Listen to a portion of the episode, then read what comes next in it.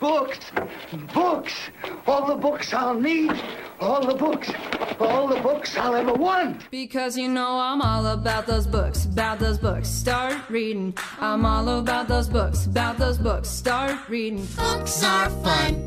Books are great. Is it book time yet? Oh, I just can't wait to read a book. And the best thing, the very best thing of all, is there's time now. There's all the time I need and all the time I want. Time, time, time. Ah, there's time enough at last. Witam w 35. odcinku podcastu Readers Initiative, podcastu o literaturze wszechtreści. Dzisiaj w naszej zwartej grupie y, w składzie Marta. Witam Cię Marto. Witam wszystkich, dzień dobry. Piotr, witam Cię ponownie Piotrze. Mhm, witam, witam. I Sebastian, oczywiście. Dzień dobry wieczór. Dobry wieczór, Sebastianie. Wracamy do naszego półrocznego podsumowania czytelniczych osiągnięć.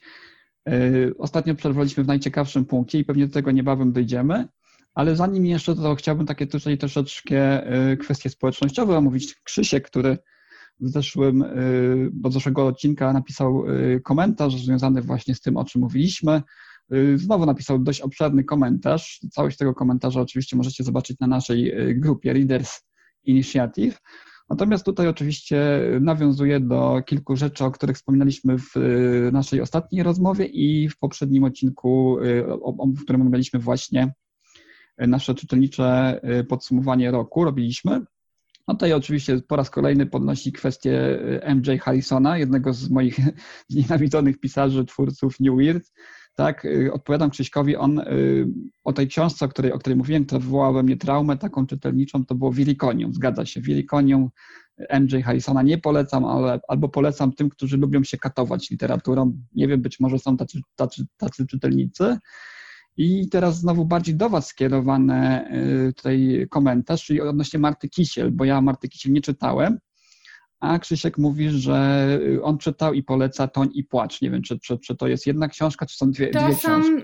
To są dwie książki. Ja nie czytałam ani Toń, ani Płaczu. Toń, Toń mam na swojej półce, chyba, właśnie tak patrzę, tak, Toń mam.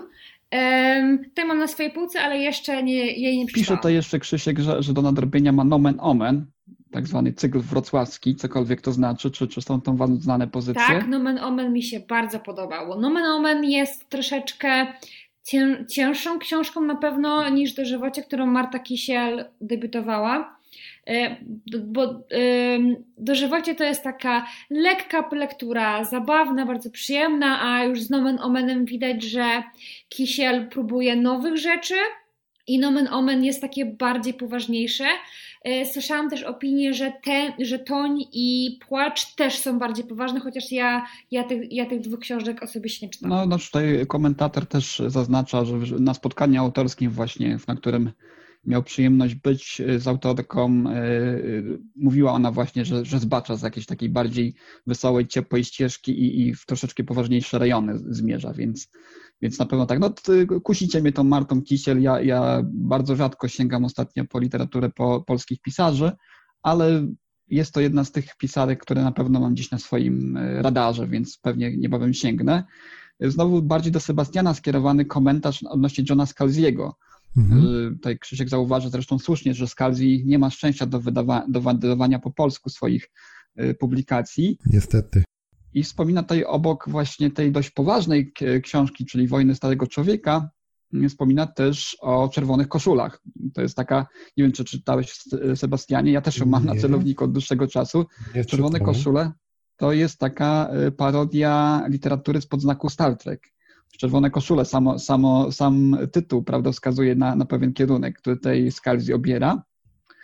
No i tutaj tak z tego, z tego właśnie y, polecenia Krzyśka po raz kolejny przy, przywołującego właśnie tę, tę książkę, którą też od bardzo dawna mam na celowniku.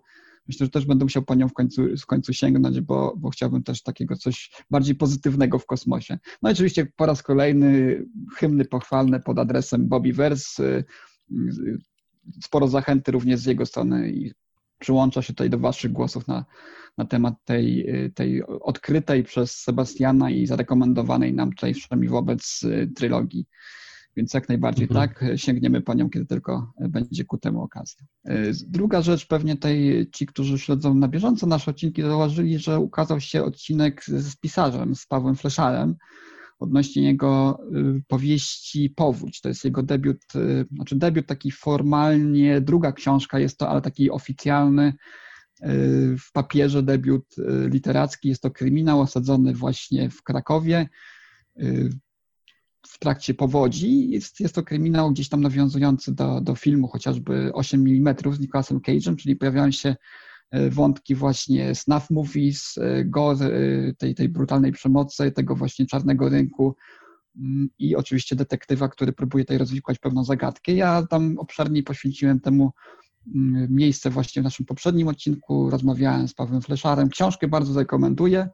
Pewnie niebawem jakąś recenzję też napiszę, a tymczasem odsyłam wszystkich tych, którzy przeoczyli ten odcinek do 34 odcinka Readers Initiative, gdzie miałem przyjemność rozmawiać z, z Pawłem Fleszarem. Bardzo sympatyczny pan, bardzo sympatyczny człowiek. Na podobnych falach nadawaliśmy, podobna muzyka też nas inspiruje. Także super sprawa. Odsyłam oczywiście do, do samego odcinka, już nie przedłużając tutaj. Natomiast teraz sobie przejdziemy już do drugiej części naszego podsumowania. Zaczniemy od negatywów. Piotr, jako że się śpieszył ostatnio, nie mógł, nie zdążył nam tej znierekomendować swojego największego rozczarowania ubiegłego półrocza, więc Piotrze, na początek oddaję głos Tobie. To znaczy, ja jak zwykle, książka to nie jest beletrystyka, ale to jest książka, o której bardzo dużo słyszałem i bardzo dużo pozytywnych rzeczy. Chodzi o Daniela Kahnemana, Myślenie wolne i szybkie. E, to myślenie wolne i szybkie, tytułowe autora, to są takie dwa mechanizmy, które my mamy w mózgu czyli mamy to myślenie szybkie, które pozwala nam szybko podejmować decyzje, ale te decyzje czasami są błędne. Mamy też to wolne myślenie, które wymaga więcej od nas wysiłku, no i jest po prostu, tak jak sama nazwa wskazuje, wolne, ale bardzo często sprawia, że decyzje podejmowane są lepsze. I autor dużo na ten temat pisze, dużo o swoich badaniach. Autor w ogóle jest psychologiem, Daniel Kahneman moje rozczarowanie. Książka została wydana w 2011 roku i nie wiem, czy wiecie o tym, ale właśnie gdzieś w 2010 roku zaczął się w psychologii kryzys replikacji. Ten kryzys replikacji polega na tym, że badania psychologiczne, które robiono od lat 60., 70., w tej chwili nie da się ich powtórzyć. I się wiecie, że nauka polega na tym, że jakiś naukowiec zrobi jakieś badanie, inny naukowiec powtarza to badanie i na tej podstawie my wiemy, że no to jest naukowe. A tu się okazuje, że badania, na których cała psychologia była oparta przez dziesięciolecia, te badania okazuje się, że nie da się ich powtórzyć, że są prawdopodobnie no, nienaukowe. I część z tych badań, na przykład zużywanie się ego, taka znana dosyć rzecz, była wykorzystywana właśnie, właśnie przez Daniela Kahnemana w tej książce i no jest krytykowana. I co jest właśnie śmieszne, że Daniel Kahneman w tej książce Myślenie wolne i szybkie dużo mówi o tym, jak rozpoznawać, że dajemy się zwieść na manowce, podczas gdy on sam no, dał się znieść na manowce.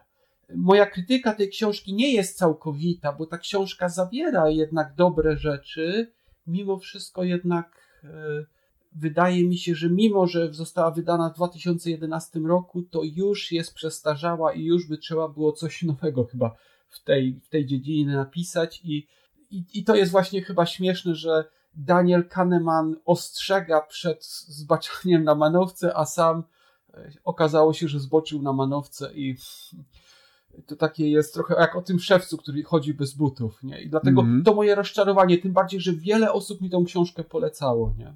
Słuchaj, powiem ci, że tutaj takie miałam y, dość dziwne uczucie w tym momencie y, tego, że wszechświat nie ma, nie ma pewnej przypadkowości we wszechświecie, bo y, właśnie dzisiaj zacząłem czytać książkę. Nawet nie zwróciłem uwagi wcześniej, że, że ta twoja książka, to, to, o której tutaj mówisz, którą, której nam nie rekomendujesz, której nie polecasz, którą uważasz za rozczarowanie Daniela Kahnemana, jest.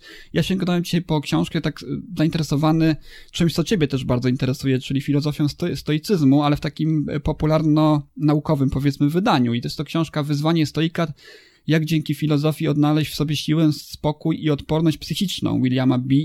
Irvine'a. Nie wiem, czy jest tobie y, to znane, to jest profesor filozofii Wright State University. I on właśnie w, swoim, w swojej książce, to jest taka książka, która za, zawiera przykłady i, i takie praktyczne Y, porady dotyczące tego, jak wykorzystywać y, filozofię sprzed kilku tysięcy lat, prawda, w zestawieniu z współczesnymi osiągnięciami psychologii, tak?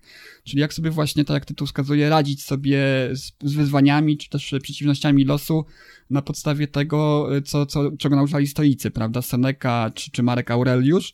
I, I właśnie jednym z tych takich współczesnych y, psychologów, y, badaczy, na których powołuje się tutaj bardzo często w swojej książce William B. Irwin, jest, jest, jest właśnie Daniel Kahneman. Także jestem ciekaw, jak ty byś y, odebrał tę książkę. Jestem no mniej więcej w połowie tej książki. To jest kró króciutka pozycja, y, no, wpisana takim przystępnym bardzo językiem dla osób, którzy nie zgłębiali nigdy tajników filozofii.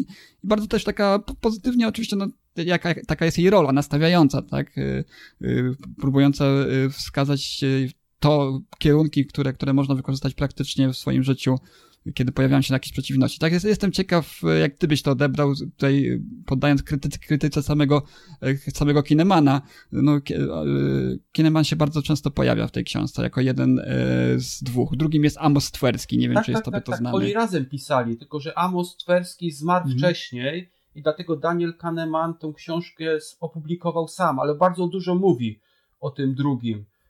Tak, także oni obaj pracowali i ja może chciałbym powiedzieć, że ta krytyka nie dotyczy całości jego pracy. Prawdopodobnie 90% tej książki, Myślenie wolne i szybkie, jest dalej aktualna, ale w tym właśnie problem jest, że wiesz, że krytykuje się niektóre rzeczy i w zasadzie teraz nie wiadomo w tej psychologii, co jest jeszcze prawdą, a co trzeba powtórzyć, które badania, nie? I tu, tu jest właśnie problem. Mi się ta książka podobała, ona dalej jest praktyczna. Ja zresztą nagrałem podcast o niej prawdopodobnie w środę albo Mhm. w czwartek się pojawi i mi, mimo wszystko my doszliśmy do wniosku z moim rozmówcą, że my polecamy tą książkę, ale na pewno trzeba wziąć ostrożnie to.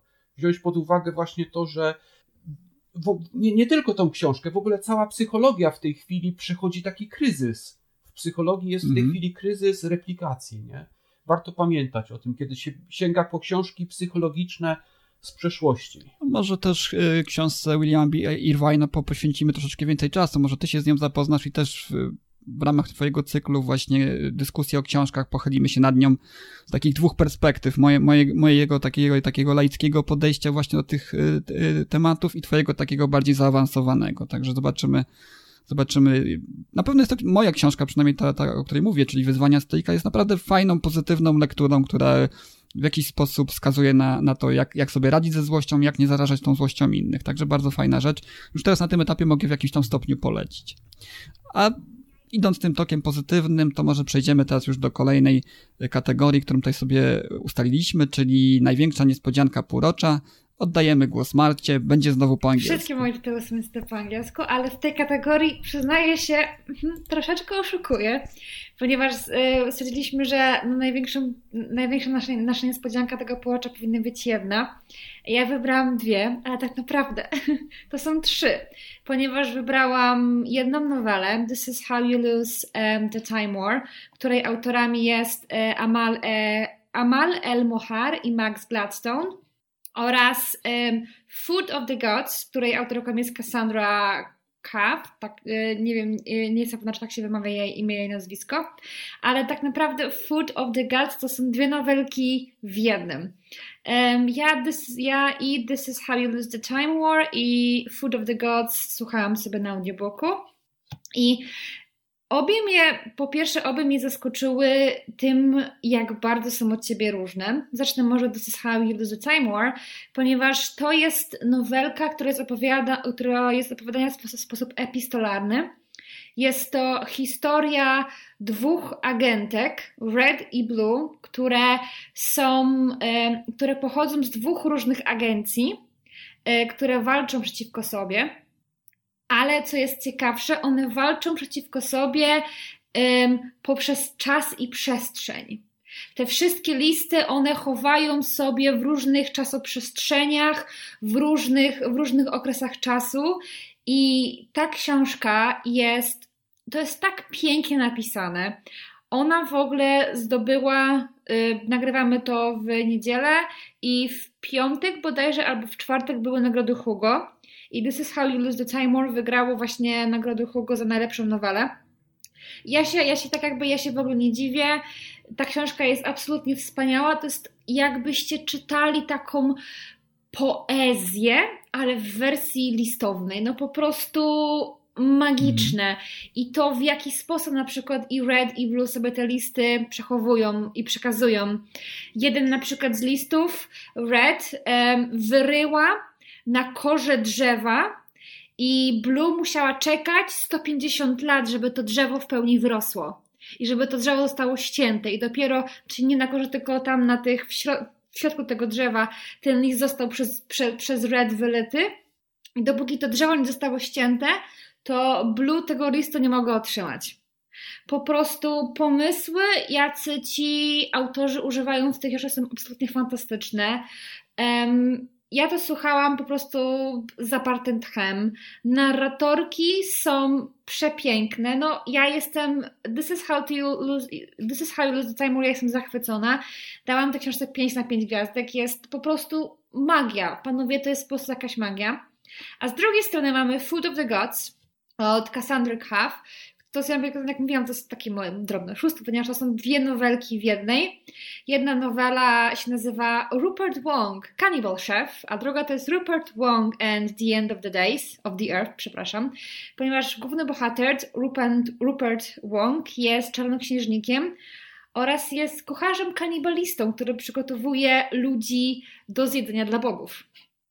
E, wszystko, przynajmniej pierwsza nowelka się dzieje w ogóle w Kuala Lumpur, gdzie Rupert Wong e, zamieszkuje.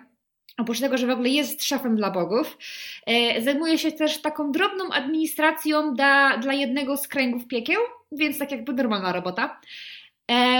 I w pierwszej książce jeden ze smoków południa prosi Ruperta, żeby zbadał, e, jak umarła jego córka i, jego, i jej śmiertelny mąż. I od tego się w ogóle tak jakby ca cała akcja się zaczyna, ale w sposób, jaki Cassandra pisze, jest jakby. Ja rozumiem, że ona opisuje, jak Rupert gotuje ludzi i ich części ciała. Ale no to jest jak z Hannibalem. Ja na przykład jestem jedną może z niewielu osób, która oglądała tego najnowszego Hannibala serial jedząc obiad. I ja z tym nie miałam żadnego problemu, mimo że Hannibal też tam w bardzo przepiękny sposób, ale dalej gotuje ludzi. I dalej robi z nich przepiękne potrawy. Ja po prostu miałam to samo, ja po prostu stawałam się głodna, jak Cassandra opisywała mi te potrawy. To po prostu jest absolutnie niesamowite. E, warto w ogóle jeszcze na Cassandrę zwrócić uwagę, bo ona ma jeszcze dwie inne nowele. Jedna nazywa się Hammer on Bones i to jest jej jej jakby to jest to, jak ona sobie wyobraża mity Cthulhu. I Hammer on Bones czytałam bardzo dawno temu, ale też gorąco polecam, ponieważ Hammer, Hammer on Bones jest o detektywie, do którego przychodzi dzieciak, kładzie mu na stolik e, całą swoją świnkę z rybnymi i mówi: Dzień dobry, chciałbym, żebyś zabił mi ojca. I od tego się zaczyna cała nowela. E, ja jestem olbrzymią fanką sposobu, w jaki Cassandra opisuje rzeczy i naprawdę Food of the Gods bardzo polecam. Ja byłam, byłam szczerze zdumiona, jak te trzy nowele się dobrze słuchało. I jak one są pięknie napisane. Troszeczkę Gaimanem trąci, prawda? Nie wiem, czy to też w stylistyce, czy też w tym podejściem takim humorystycznym do, do mitów, do, do religii. Właśnie nie. One to nie jest takie podejście humorystyczne. Jest to jak najbardziej podejście, podejście poważne i co akurat mnie bardzo zainteresowało, przynajmniej w pierwszej części Food of the Gods, Cassandra się ewidentnie skupia na tych mitach azjatyckich, na tych bogach azjatyckich.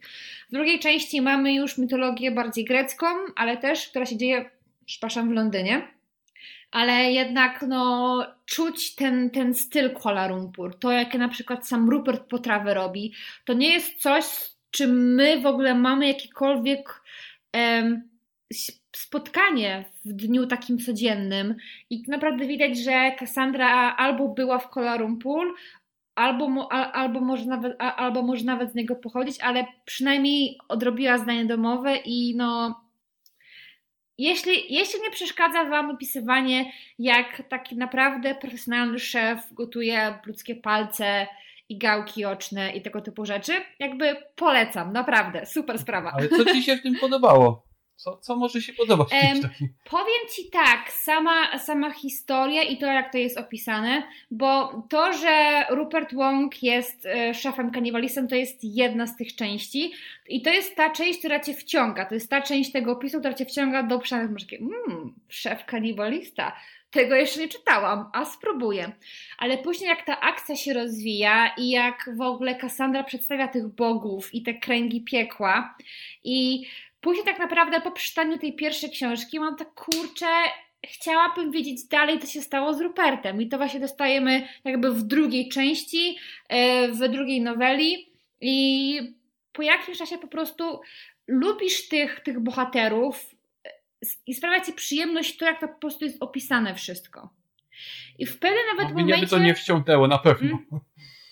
No, jakby w pewnym momencie nawet nie dajesz sobie sprawę, że Rupert naprawdę gotuje ludzi, bo to jest opowiedziane z taką, z taką finezją i z takim po prostu detalem, że tak jakby to, że to są ludzie, tak jakby przychodzi ponad twoją głową, masz takie, o Boże, to tak brzmi tak fantastycznie, bo on tam, bo, bo on tam tyle, tyle przypraw używa i no magia, magia. W pewnym, w pewnym momencie jest, jest opisywana scena, a bym gdzie... użył innego słowa.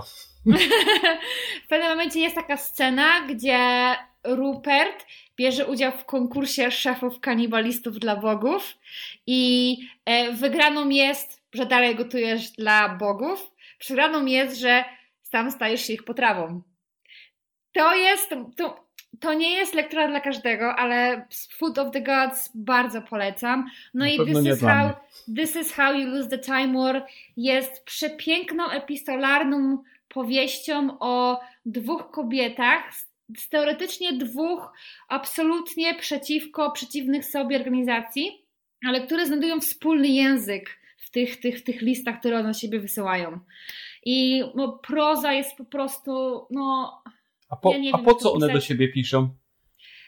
Bo mogą, bo chcą się poznać, bo są siebie ciekawe, bo jak, jak gonisz kogoś przez 400, 500, 600 lat, po różnych alternatywnych rzeczywistościach i po różnych światach i wiesz, że ta osoba w każdej chwili może cię złapać albo pokonać, to masz takie, hmm, ciekawe, ciekawe kogo ja w ogóle gonię. To jest, to jest, to jest, taka, to jest, to jest taka ciekawość, którą zaczyna um, Red chyba, jeśli, jeśli dobrze kojarzę na, na początku to jest takie, to, to, to, to, takie zobacz, zrobiłam to lepiej od ciebie, moja agencja jest od twojej agencji lepsza. W ogóle czemu się już nie poddasz, skoro my i tak tą wojnę wygramy?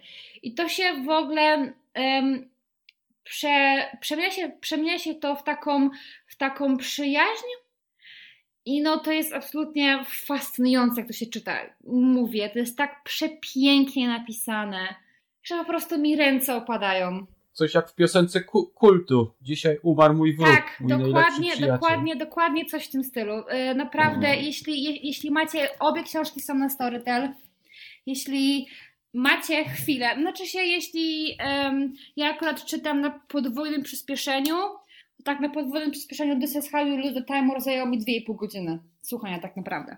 Ja się trochę boję tego języka, bo mówisz, że jest taki, taki yy, no, wysoki, poetycki, troszeczkę się tego boję, bo sam koncept mi się podoba. Spróbuj, naprawdę, naprawdę spróbuj. Niektóre słowa są takie, szczególnie jak na przykład one tam opisują e, ten świat dookoła siebie, ale będzie on do zrozumienia dla takiego, dla takiego przeciętnego użytkownika angielskiego tak by, by na pewno.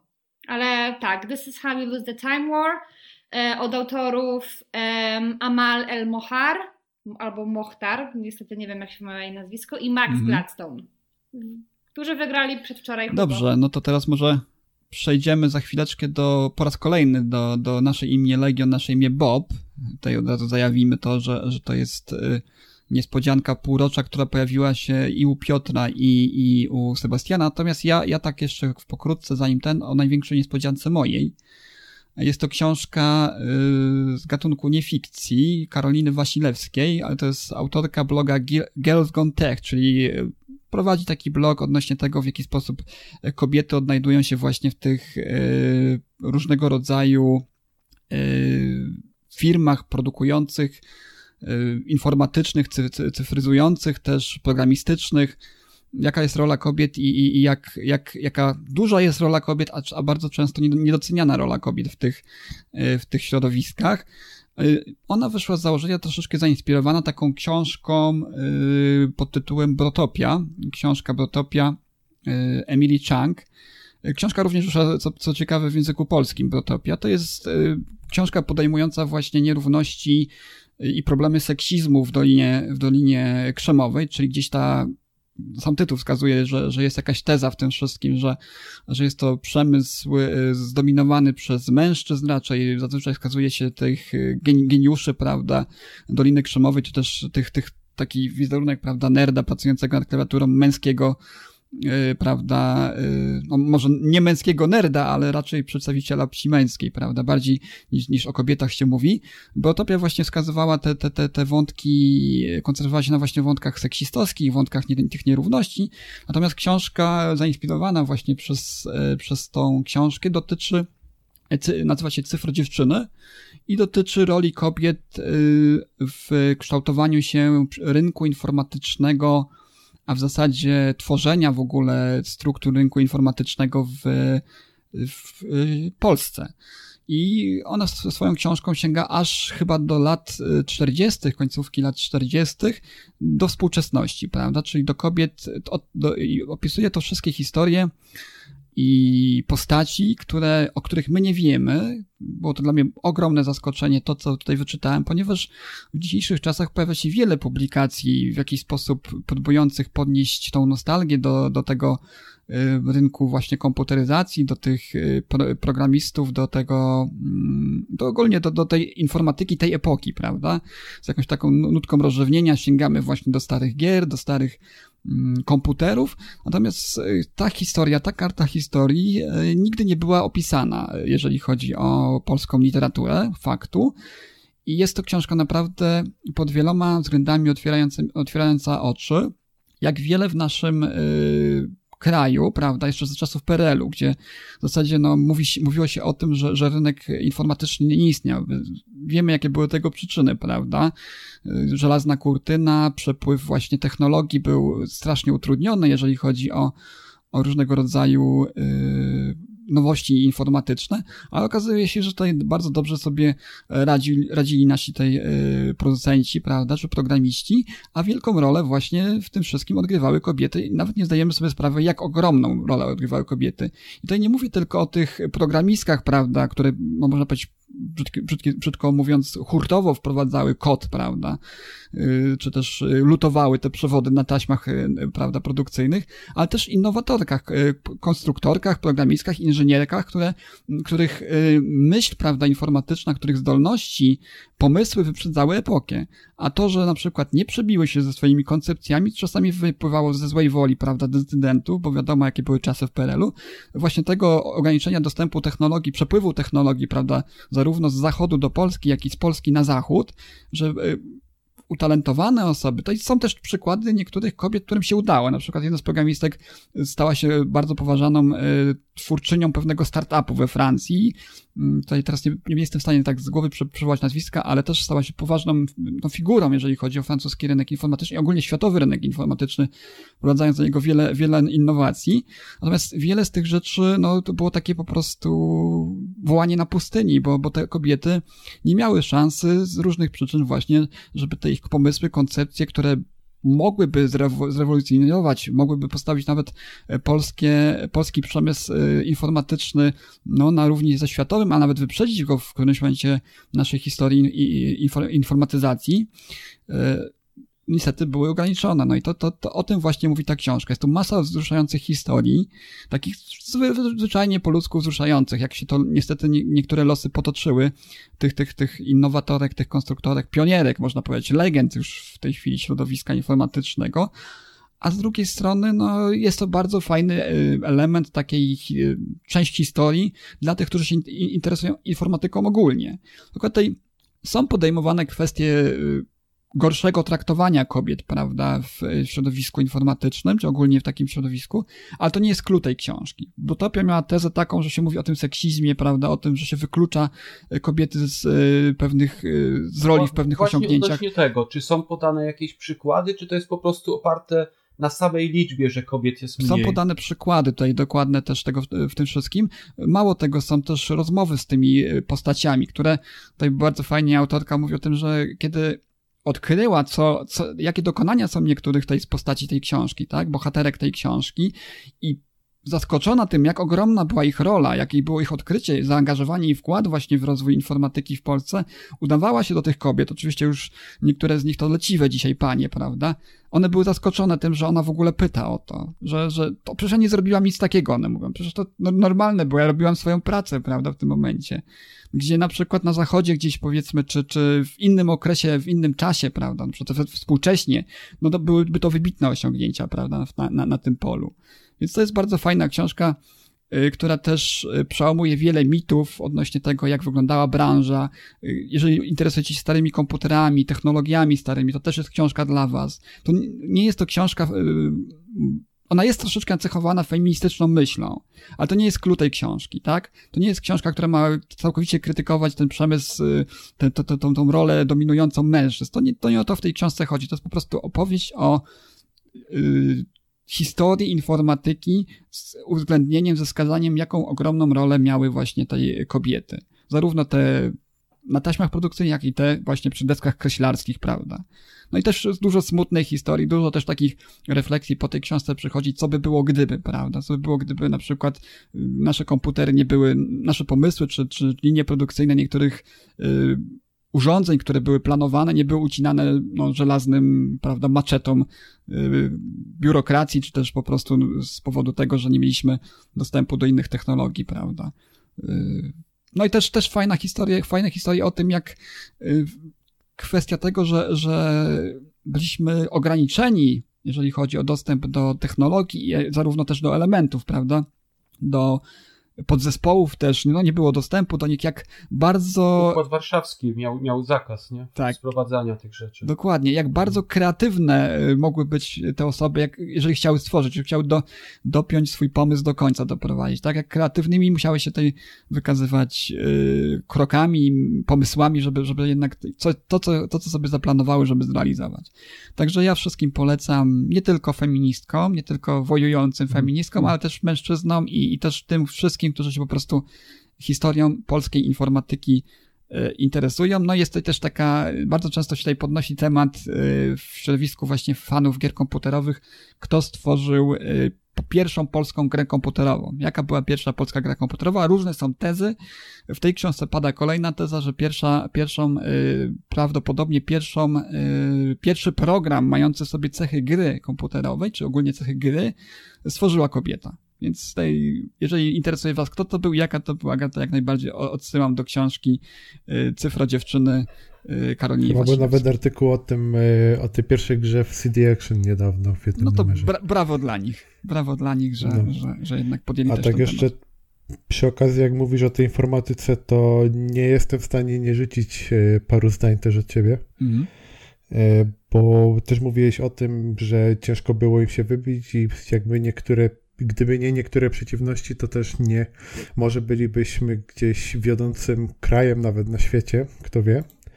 To też chciałbym wspomnieć, że można się zainteresować taką osobą jak Jacek Karpiński, polski elektronik informatyk. Nie wiem, czy słyszeliście o nim coś? Nic? Ha, właśnie.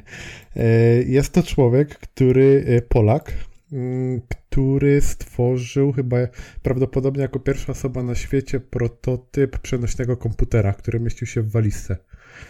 I niestety pro, jakby ten projekt został ucięty, dlatego że nasi wschodni sąsiedzi nie byli zainteresowani tym projektem, bo mówili, że to nie ma przyszłości. Zachodni sąsiedzi z kolei byli bardzo zainteresowani i nawet, jak dobrze pamiętam, miał się wybrać do Londynu, go zaprezentować i prawdopodobnie nawet sprzedać projekt, czyli pierwszego laptopa poniekąd. No ale y, radzieccy możnowładcy zablokowali to całkowicie, bo powiedzieli, że to jest nasze i nie możesz tego sprzedać. Kropka. I w ramach protestu, i to też y, bardzo często, jak są jakieś książki, y, które na jego temat znajdowałem, to na przykład jest to coś takiego, że najinteligentniejszy hodowca śmi w Polsce bo po powrocie jakby z tego, z tej nieudanej sprzedaży, tak, czyli prób, nie wiem, próby wybicia się nawet, za, zajął się hodowlą świń, co się mówi, że to była pewna forma protestu z jego strony wobec panującej władzy. A jeszcze druga sprawa a propos kobiet w informatyce i to w sumie chyba też taka ciekawostka mm, bardzo smutna moim osobistym zdaniem, E, mianowicie kiedyś czytałem takie badanie na temat kodu, który znajduje się na GitHubie. I według niektórych badań wychodzi na to, że y, były porównywane kody, które były wrzucane przez e, kobiety i mężczyzn, i wiele z nich było y, ocenianych bardzo nisko, tylko dlatego, że osobą, która to zuploadowała, była kobieta, a nie mężczyzna. I to nawet bardzo łatwo można było y, wywnioskować z tego względu, że były też kobiety, które podawały się za mężczyzn i automatycznie te oceny były znacznie wyższe. Więc to jest, y, jeśli chodzi o takie problemy, z którymi borykają się kobiety, to w informatyce też wcale nie jest obcy, mimo że wszystko wygląda tak ładnie. Ty, ty, pracujesz w informatyce? Tak, tak, jak najbardziej. Dlatego też tam gdzieś Aha. jestem zainteresowany tymi tematami. I, I, spotkałeś się z czymś takim? Bo ja też, jest, ja też pracuję w IT i ja się nigdy nie spotkałem z tym, żeby kobiety były gorzej traktowane, wręcz przeciwnie. No właśnie... Dwa razy mi się zdarzyło z programistkami pracować i za każdym razem były one no, traktowane lepiej niż wszyscy inni, ponieważ były, wiesz, takimi jedynymi kobietami. No znaczy, to mogę, wam, ja... mogę wam powiedzieć, że, że w, w cyfro dziewczynach też się wskazuje, tylko że na to, że kobiety były szanowane w ogóle, ale to właśnie jest okres PRL-u, gdzie tego rozgraniczenia nie było tak na dobrą sprawę. Tutaj mówiłem o tych ograniczeniach, które wpływały na to, że myśl, czy te jakieś pomysły konstruktorskie nie wybiły się tutaj poza przestrzeń właśnie tej Europy Wschodniej, czy samej Polski, czy te zostały ucięte z różnych przyczyn, zazwyczaj biurokratycznych, prawda, czy legislacyjnych.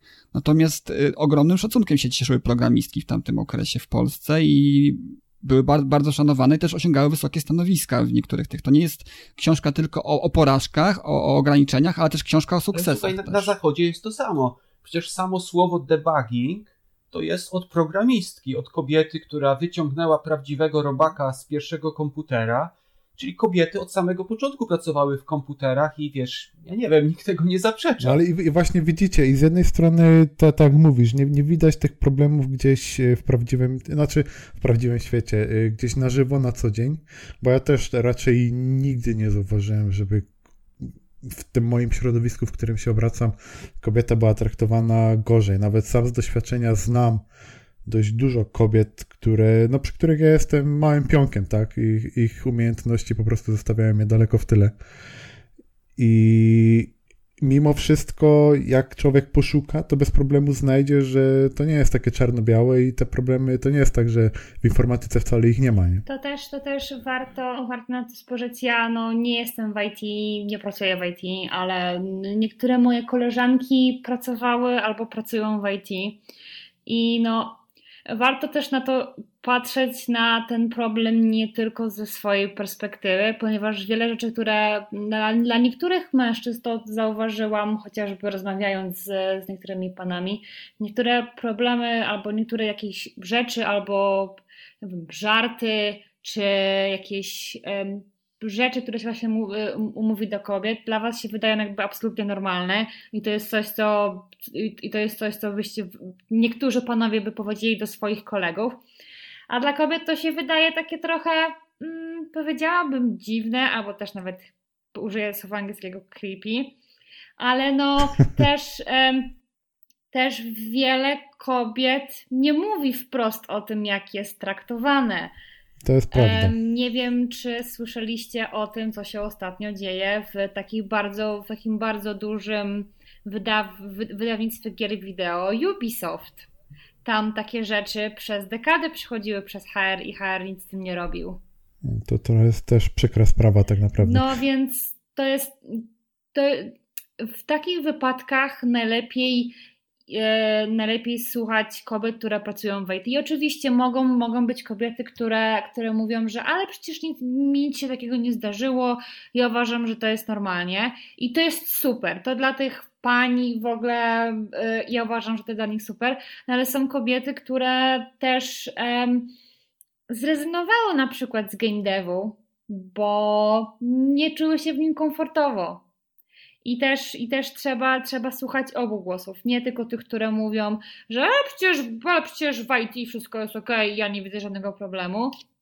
No, są jednak mm. jakieś problemy, dlatego właśnie takie, dlatego właśnie takie, takie, takie książki jak, o których, o których właśnie e, takie książki jak Cyfro Dziewczyny powstają. No jeszcze przede mną jest Brotopia, więc, więc zobaczymy. Brotopia jest dużo bardziej yy, taka yy, skoncentrowana właśnie na, tym, na tych problemach yy, z nierównym traktowaniem, seksizmem. Ale bardziej, słuchajcie, tak? jeżeli już poruszamy taki problem, to seksizm działa także w drugą stronę. W środowiskach na przykład nauczycielskich, gdzie przeważają kobiety, to te kobiety dyskryminują mężczyzn nauczycieli. I to też jest faktem to też, to też znaczy, nie wiem, ja jako nauczycielka z wykształcenia e, mogę Ci powiedzieć, że wszyscy nauczyciele, których widziałam i z którymi pracowałam e, płci męskiej, byli, byli traktowani z lepszym, z większym szacunkiem niż kobiety. Mogę Ci za zarzucić to samo, co Ty przed chwilą nam zarzuciłaś, że my nie wiemy, jak się kobiety czują. Tak, oczywiście, oczywiście, oczywiście mm. tak, ale no co ja na to mogę powiedzieć? E, nie. To też, jest, to też jest bardzo złożony temat i no nie jest to temat na rozmowę, mam, mam tak. wrażenie, o dzisiaj. Tak, może kiedyś wrócimy do tego, do tego tematu, może, może wy przeczytacie Cyfro Dziewczyny, może Brotopię i, i po prostu wrócimy troszeczkę z innym y, bagażem wiedzy na Dokładnie. ten temat. Ja nie? bym chciała tak- tylko tak... powiedzieć, że niedługo w Polsce wchodzi książka e, o nazwie e, Niewidzialne kobiety i to jest e, książka pani Caroline, e, Caroline Carildo Perez bodajże. Ja ją patrzę, bo mam ją u siebie na tylko po angielsku, jeszcze, jeszcze nie skończyłam. I ona jest o systematycznym pomijaniu kobiet w dziedzinach życia. Z, pod, z takimi z przykładami od czasów starożytnych, czyli od tego takiego, powiedziałabym, historycznego podejścia, że kobiety zawsze były tymi zbieraczkami, one zajmowały się domem, a później się okazuje, że, znaj że, znaj że, znaj że, znajduj że znajdują archeolodzy szczątki kości z, pochowane z mieczami, staczami i oni mówią, że hej, to był wiking, więc to był na pewno mężczyzna, a później jak się, a, a później jak się mierzą miednicy, to jest takie, hmm, to jednak była kobieta wojowniczka i jest taki pewien, pewien dysonans. E, tam są mniej Ale to jest przecież między... znany fakt, że wikingowie, tam kobiety też walczyły wśród nich. Dokładnie, dokładnie. Mhm. To, jest, to jest fakt, a mhm. który stał się faktem po jakimś czasie, ponieważ przez wiele lat właśnie sądzono, że większość to wikingowie to byli, to byli tylko mężczyźni. I właśnie niewidzialne kobiety zmagają się, jakby poka pokazują ci z takimi dowodami naukowymi, w jakich sferach kobiety były pomijane. Na przykład ciekawe, mm, ciekawa, ciekawostka, e, niektóre leki, powiedzmy, e, e, chyba to było leki, leki na nie pamiętam dokładnie na co, ale to miało coś wspólnego z narządami rozrodczymi. Były testowane na mężczyznach. Mm. W stu procentach. Ciekawe. Więc ta książka wychodzi w sierpniu. 12 sierpnia, tak, dokładnie. Nie, mhm. To właśnie, wychodzi, e, wychodzi w sierpniu i e, z chęcią bym, ja, ja, ja, ja, ja sobie z chęcią ją przeczytałam, skończyłam w końcu po angielsku i e, możemy wspólnie panowie... Z radością, słuchaj, ja mam za sobą cyfrę dziewczyny, tutaj też polecam cyfrę dziewczyny Sebastianowi i Piotrowi i też, i też Brotopię przed sobą, więc może takie zrobimy sobie kombo trzech książek, y, które poruszają podobne tematy i zobaczymy, jaki będziemy wówczas mieli ogląd na sprawy, prawda? Bo też mógłbym dzisiaj mhm. stwierdzić, prawda, że, że nie ma problemu, że każda branża ma swoje problemy właśnie na tym podłożu, ale na dobrą sprawę, tak jak nie znałem bardzo ważnego wycinka historii polskiej informatyki, zanim nie przeczytałem cyfr dziewczyn, tak być może nie znam, nie znam wagi i wy nie znacie wagi tego problemu, jaki jest ogólnie w branży IT na świecie, prawda? Więc może sobie do tego podejdziemy.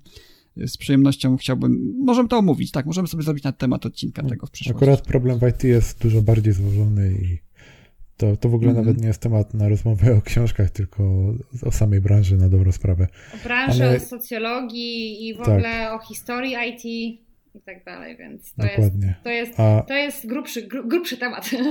A odbiegamy mocno od tematu i mam wrażenie, że chyba dzisiaj nie skończymy tego Tak, wracamy, wracamy do Bobiego w takim razie. Ja właśnie chciałem powiedzieć, ja chyba rozumiem właśnie dlaczego Sebastian lubisz Bobiego, nie? Bo to, to jest książka napisana przez programistę. Prawdopodobnie też dlatego, bo ja automatycznie mam coś takiego, że jak wyczuję, że jest, może dlatego też mi się chociażby fantastyka naukowa bardzo podoba, bo gdzieś jestem w stanie po prostu przełączyć swoje trybiki na trochę inny poziom odbioru i przez to dużo lepiej to odbieram, tak?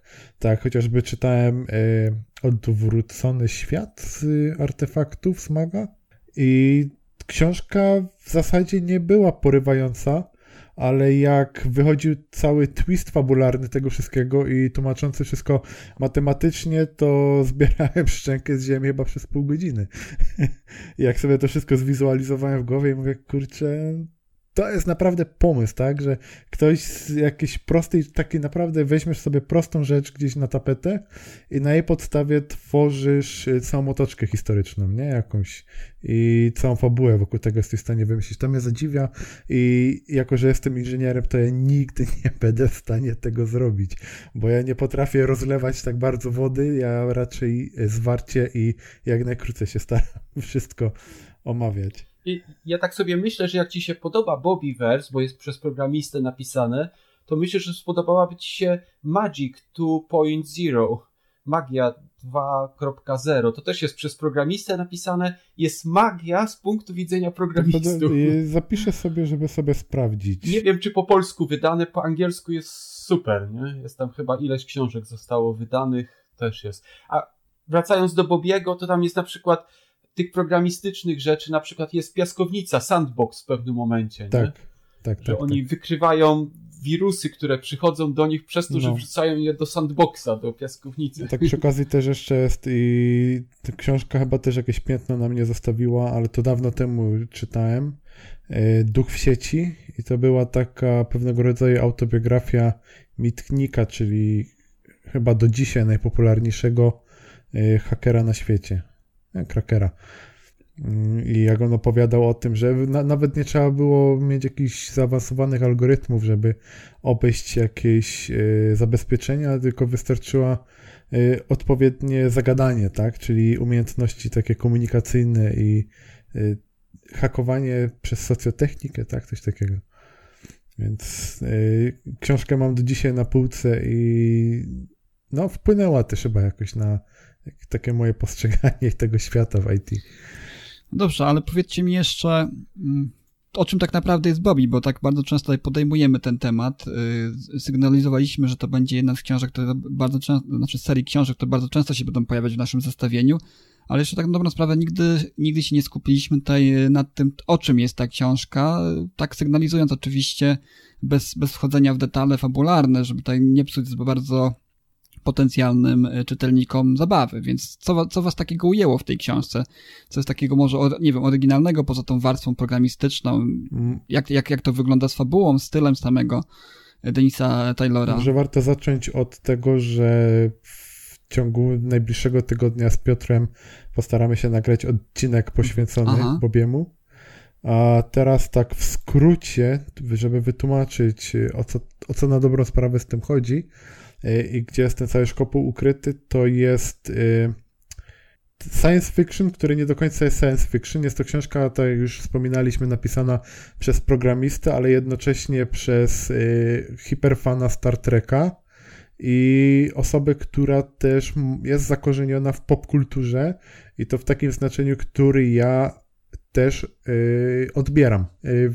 Jako dzisiejszy odbiornik y, popkulturalny, czyli tam nie wiem, filmy, seriale, gry chyba mniej, jak dobrze pamiętam, ale y, wracając do samej fabuły, mm, to książka się zaczyna bardzo prosto, bo y, poznajemy właśnie Bobiego, który mm, postanawia zapisać się do programu, gdzie deklaruje się, że po jego śmierci chce, żeby jego ciało zostało zamrożone i ma być zamrożony tak długo, aż technologia pozwoli na to, żeby go odmrozić i przywrócić do życia.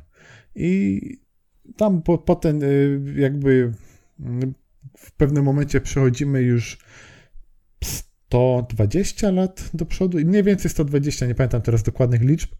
E, przenosimy się w przyszłość i jest ten moment, gdzie on zostaje odmrożony. E, oczywiście nie wszystko poszło tak e, dokładnie po myśli, jak znaczy jest, jest to w sumie zawsze przewidywalne, tak, że zawsze jak coś ma być takie piękne i idealne, to nigdy takie do końca nie jest. I okazuje się, że Bob, na dobrą sprawę zostaje w pewien sposób wykorzystany do tego, żeby być jednostką zarządzającą sztuczną inteligencję. Czyli nie wiem, załóżmy, że dzisiaj tworzymy sztuczną inteligencję, która cały czas nie jest w stanie się y, wyuczyć do tego stopnia, żeby mm, podejmować własne myśli, czyli to, o czym mówimy jako o prawdziwej sztucznej inteligencji, czego dzisiaj technologicznie wciąż nie mamy tak naprawdę. Wszystkie sztuczne inteligencje, które mamy w tej chwili, to one polegają na tym, że my je uczymy jakichś konkretnych zachowań, ale one dalej nie są w stanie wytworzyć czegoś w rodzaju własnego myślenia. I tutaj właśnie umysł Boba jest wykorzystany do tego, żeby być e, jednostką sterującą statek kosmiczny, Czyli on zarządza tym wszystkim, e, gdzie ten statek leci, tak, e, wszystkie obliczenia wykonuje, podejmuje decyzje, które są potrzebne i na tym statku kosmicznym, którym on się znajduje, jest to misja, która ma na celu udać się do innej galaktyki i poszukać planet, które mogłyby zostać skolonizowane w przyszłości przez ludzkość.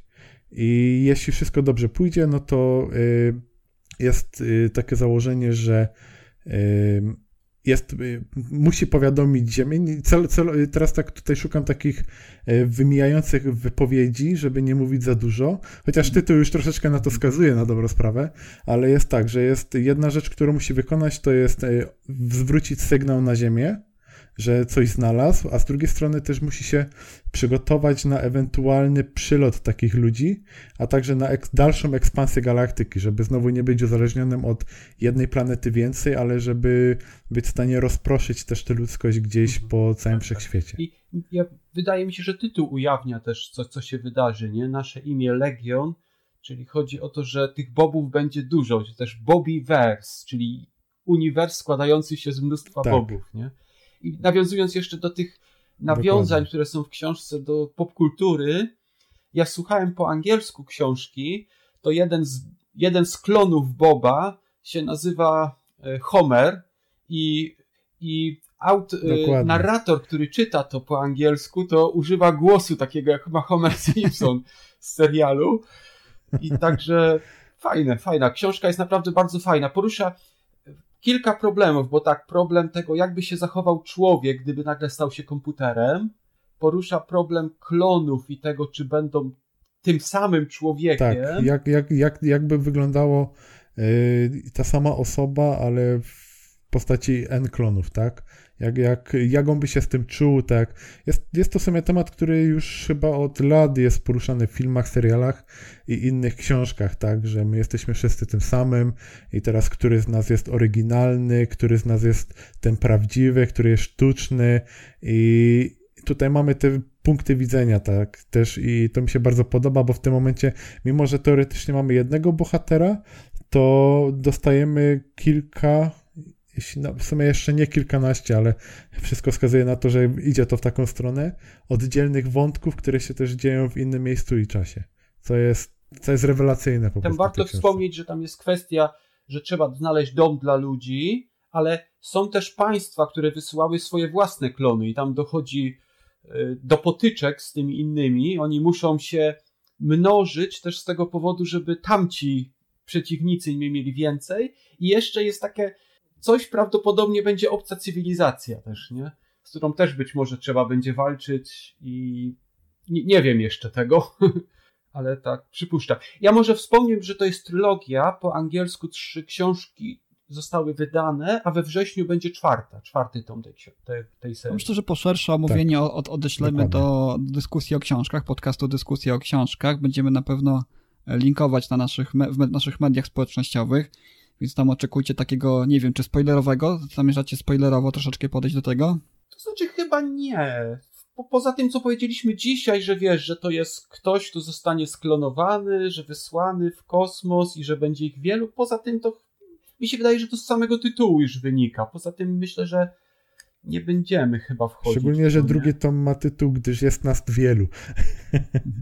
Tak, tak. Bardzo fajnie. Ja cały czas, jak mówicie, mam takie skojarzenia z, też z innym światem Tada Williamsa. Tam też to takie multiversum stworzone w przestrzeni informatycznej, w przestrzeni cyfrowej, do którego transferują się bohaterowie i, i te wszystkie takie wydarzenia, które też w, w jakimś stopniu zahaczają o, o, o, tą, o tą tematykę właśnie e, transmisji ludzkiego umysłu, duszy, ciała, czegokolwiek do, do postaci cyfrowej. Także to też takie tym bardziej zachęcające, że, że odnajduje wiele podobieństw w tym, co, co znajdowałem u Tada Williamsa. Poza książką, o której już mówiliśmy, mam jeszcze dwa komiksy, które mhm. też bardzo pozytywnie mnie zaskoczyły e, w pierwszej połowie roku.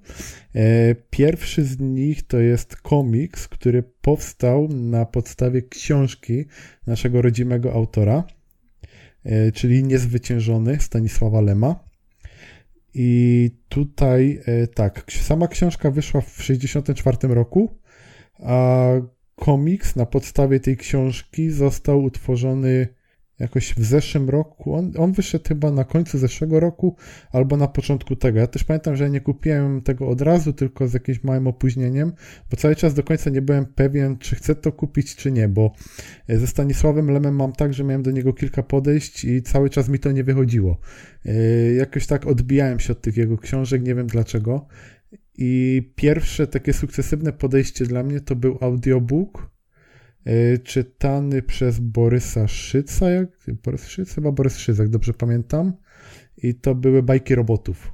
I ten audiobook po prostu otworzył mi całkowicie oczy, bo jak człowiek się wsłuchiwał o tym, jak y, też pewne z pogranicza fizyki i chemii niektóre zagadnienia Stanisław Lem E, opisuje w swojej książce, wykorzystując do tego, żeby stworzyć na przykład ołowianego robota, który ma takie takie właściwości, że to wszystko jest y, na zasadzie tego, co faktycznie w prawdziwym świecie się dzieje, czyli teoretycznie mamy bajkę, ale strasznie pouczającą i którą można też dzieciom tak na dobrą sprawę włączyć i gdzieś rozwijać już je pod tym kątem. I jeśli chodzi o niezwyciężonego, to właśnie stwierdziłem, że spróbuję i komiks jest tak naprawdę totalną adaptacją y, książki.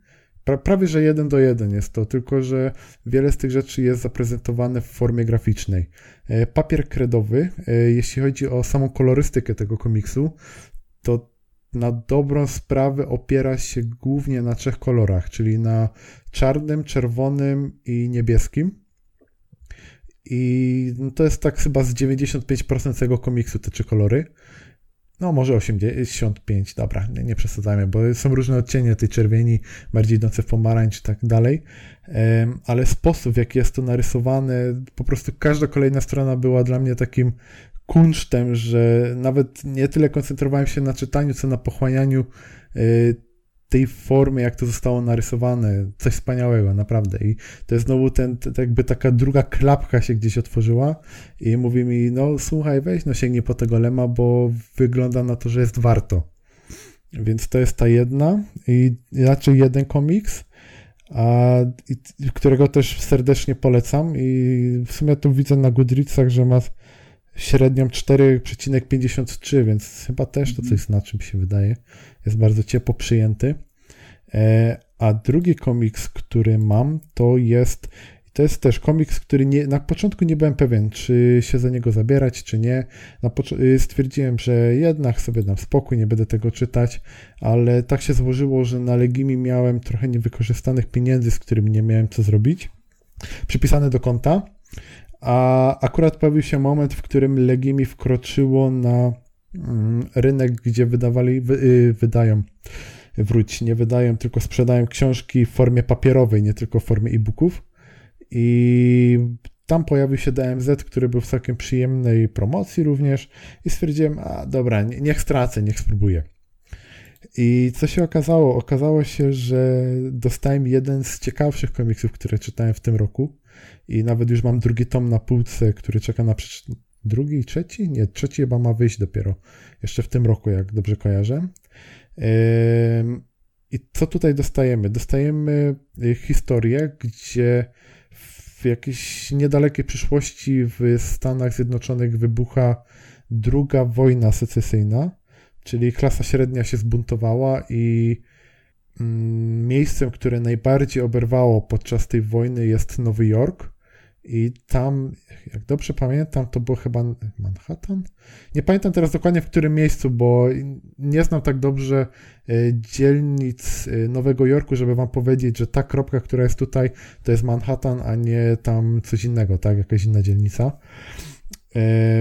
Ale chodzi o to, że jest ten punkt, który jest strefą zdemilitaryzowaną i to jest jak faktyczne e, istniejące zagadnienie, tak? Czyli jest to strefa, która jest pozbawiona mm, inaczej. Jest to strefa, która jest y, uwolniona od konfliktu, czyli jest taką, te, takim miejscem, gdzie nie może, y, jest zabronione, tak, jest powiedzmy coś na zasadzie rozejmu, tak, tam, że tam nie walczymy. I teraz y, w sam środek tej strefy zdemilitaryzowanej trafia główny bohater, któremu będziemy towarzyszyć przez ten komiks. Jest to fotograf, no, znaczy fotograf, czyli że fotoreporter Matirow, który trafiając tam poznaje życie w tej strefie i widząc, że to wcale nie jest tak, że skoro tam nie ma walk, to jest kolorowo, bo on zostaje wśród tych ludzi i on widzi, jak ci ludzie tam żyją. Jak e, dochodzi tam do konfliktów międzyludzkich, jak ci ludzie walczą o przetrwanie, o jedzenie i ogólnie taka forma pokazania życia, tak, że to, co tam, nie wiem, gdzieś e, media poza tą strefą zdemilitaryzowaną mówią, czyli sieją jakąś propagandę, która nie jest do końca prawdziwa i on, który odkrywa prawdę, on też miał te klapki na oczach, on w to też do końca nie wierzył, on nie wiedział, jak to wygląda i dopiero ta brutalna rzeczywistość otwiera mu oczy i mm, też za pomocą przeprowadzenia tego fotoreportażu stara się otworzyć światu oczy na to, co tak naprawdę się tam dzieje, że jakby władza was oszukuje, tak? Coś w tym rodzaju. I powiem wam, że znaczy, ciężko mówić o takich problemach, że, że to jest wspaniała historia, tak? Mm. Ale jest to na pewno coś, co moim zdaniem jest warte sięgnięcia. I tak jak mówię, ja już mam kolejny tom i wiem, że trzeci jeszcze ma być w Polsce wydany i to chyba będzie komplet, czyli to się mieści w trzech takich y, zbiorczych y, tomach najprawdopodobniej. Chyba, że jeszcze mają być zapowiedzi kolejnych, no, o których po, nie wiem. No, ale... Wyświetla mi, że, dwa, że pięć tomów ma być do, do końca 2000, 2021 roku, no, a po angielsku już wyszło, wyszło wszystko. Nie? No tak, no to już jest potem zamknięte. Ja, ja lubię takie rzeczy, że już wiem, że coś jest zamknięte za granicą, a Egmont na przykład e, powolutku to sobie wydaje tam, nie wiem, co dwa, trzy miesiące i mi to jak najbardziej oni idą, pasuje. Oni idą dokładnie tak, jak były wydania, wydania Deluxe y, właśnie te, tego zbiorcze i oni dokładnie te edycje na polski mhm. przenoszą, mhm. czyli pięć, pięć ksiąg na jeden do jednego przenoszą. No, ładnie to wygląda, fajny, fajna kreska jest taka troszeczkę. Tak, to I tu przywodząca w niektórych, w niektórych kadrach taki te teledyski y, Gorillaz chociażby. No, co, coś dokładnie w tym kierunku idą tak. Te, te, mm. tak. Taka kreska też dużo bardziej do mnie przemawia niż te ostatnie komiksy z Marvela i z DC, albo nawet tego Sandmana po reaktywacji, którego ostatnio czytałem, to tam była taka psychodela, że wysiadłem z tego pociągu i mówię, tak jak szanuję Nila Gaimana za to, co stworzył tam te 20, 30 lat, nie, 40 chyba już nawet lat temu, to tak ta, to, co dzisiaj się dzieje, to, to mnie przerasta. I ja po prostu dziękuję no i, i, to tyle, jeśli chodzi o moje niespodzianki. No i teraz tak. przejdziemy sobie do kolejnej kategorii, którą jest kategoria, która nosi tytuł, nazwę Książka, która doprowadziła cię do łez. I zaczniemy od Piotra, tym razem Piotr po angielsku, y, książka Jane Hawking. Tak. Traveling to Infinity to jest książka y, autorstwa Jane Hawking, żony znanego fizyka Stephena Hawkinga i to jest książka, która pokazała mi, jak trudne może być życie z geniuszem. No bo Stephen Hawking był geniuszem, naprawdę zrobił wiele, ale wydaje mi się, że chyba łatwo, do, można go porównać troszeczkę do Steve'a Jobsa, który z kolei był geniuszem, jeżeli chodzi o sprzedaż, o sprzedaż. Potrafił wmówić ludziom na przykład produkty swoje, które chciał, ale był okropną osobą, jeżeli chodzi o bycie z nią. I taką właśnie osobą też był niestety Stephen Hawking. Był geniu, geniuszem fizyki, ale okropnie traktował swoją rodzinę i no, krótko mówiąc, jego żona miała z nim dość ciężkie życie. E, no, jest, jest, jest trudna sytuacja.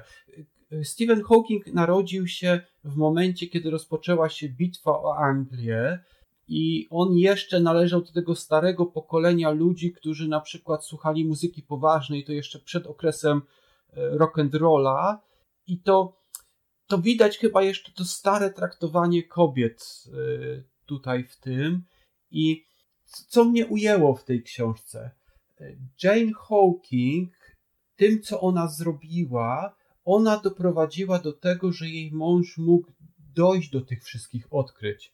To znaczy, bez niej Steven parokrotnie podejmował różne decyzje w swoim życiu, które doprowadziłyby go do na manowce. A to właśnie dzięki niej on zaczął się angażować w pracę, on zaczął się angażować, zaczął dbać też o rodzinę, starać się o rzeczy materialne i to dzięki niej on doszedł do tych wszystkich odkryć, a ostatecznie ona została tam później potraktowana na, na przykład na przyjęciach, które były jako pewnego rodzaju taka sprzątaczka, służba, która tam jest, lokaj, który no, jest źle traktowany, a no, książka jest naprawdę warta przeczytania, pokazuje dużo ciekawych rzeczy z ich życia i no, może doprowadzić do łez. Ja może nie, dosłownie nie płakałem przy tej książce, ale mm, tak sobie pomyślałem przy niej, jak. Yy,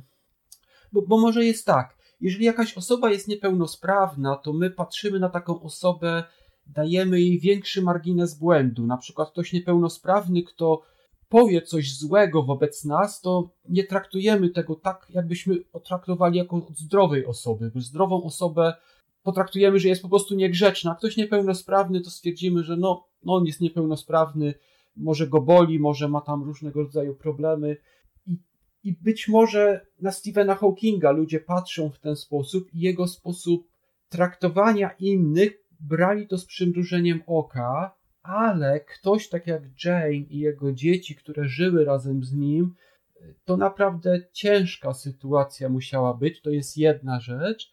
A druga, kwestia tego, że ona była mu oddana, mimo że Steven był trudną osobą, ona była mu oddana, miała z nim te dzieci, ona parokrotnie uratowała mu życie, dosłownie uratowała mu życie i no, nie, nie chcę spoilerować za dużo, ale książka jest naprawdę warta przeczytania i, e, i może jeszcze tylko jedno wspomnę. E, Stephen Hawking odniósł swój sukces między innymi dlatego, że pisał książkę dla publiczności, a jako fizyk on bardzo źle. Mm, on jest bardzo mądry, ale nie potrafi przekazywać wiedzy. Jego żona była taką pierwszą osobą, której on mówił, co chce przekazać innym, i ona po prostu była takim, taką osobą, która wskazywała mu na rzeczy, które są za trudne dla ludzi. I można też powiedzieć, że dzięki niej on zrobił to, bo on bardzo dużo pieniędzy zarobił na swoich książkach, między innymi na krótkiej historii czasu. A ona była, można powiedzieć, pierwszym czytelnikiem, który wskazał mu na wiele rzeczy. Nie, nie wiem, czy ta książka jest wydana po polsku, ale jeżeli jest, to polecam. Jest, nawet mam na półce. Mam na półce. E, znaczy, ta, o której ty mówisz, nie, ale jeśli chodzi o krótką historię czasu, to jest wydana w Polsce. Czyli o samej tej. To jest chyba jego praca doktorska też. Nie, nie, nie, nie. To jest książka dla ludzi napisana. To jest takie uproszczone. Znaczy, no tak, tak, tak. Taka próbująca przedstawić tak. E, zwykłemu zjadaczowi chleba coś, co robi też Neil deGrasse Tyson, tak? Próbując e, wytłumaczyć astrologię, astrofizykę każdemu człowiekowi tak. w najbardziej Jesz, Jeszcze może wspomnę sposób. tylko tyle, że no, książka przedstawia całe życie z jej punktu widzenia. Ona poświęciła swoje życie Stevenowi, bo ona sama też była wykształcona, ona sama miała też możliwości na przykład na studiach, które porzuciła i w zasadzie poprzez ten okres, kiedy ona zajmowała się Stevenem, ona przełożyła jakby swoje własne życie, na przykład intelektualne, na później, co jest ogromnym, mm, ogromną ofiarą z jej strony, nie? I wydaje mi się, że warto przeczytać tą książkę chociażby w tym celu, żeby docenić takie osoby jak, jak tak, ona. Przy okazji to też był film, nie? E, Tak. Teoria Mhm. wszystkiego? No. Tak, tak. E, Tak, całkiem Mhm. niedawno. Mhm.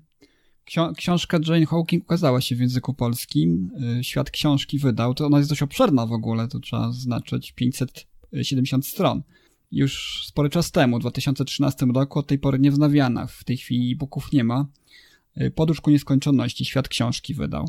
A jeszcze taką ciekawostkę tu w kontraście do tego, co powiedziałeś właśnie, jak trudno było y, bliskim Stephena Hawkinga, właśnie w książce, o której wspomniałem na samym początku, czyli, czyli książce Williama Irwina, właśnie o filozofii stoickiej, podaje się przykład właśnie Stephena Hawkinga jako tego niezłomnego, prawda, który mimo przeciwności losu różnego rodzaju nadal y, no, odniósł sukces, tak? Y, w jakiś sposób był niezłomny, nie poddawał się, był niejako praktykiem tej, tej filozofii. Także tutaj też taki fajny kontrast z tym, co ty mówisz, że to tak na dobrą sprawę dzięki tym osobom, które, których prawdziwe poświęcenie, oczywiście ja nie, tutaj nie mówię, że, że Hawking sam w sobie nie, nie, nie miał w sobie tyle mm, siły psychicznej, żeby w jakiś sposób to znosić. Nie znam, nie znam treści tej książki, o której mówisz, ale faktycznie to pokazuje, w jaki sposób wiedza, kiedy jest nam podana powierzchownie, yy, może zmienić naszą percepcję, Mhm. tak, danej osoby czy danego wydarzenia.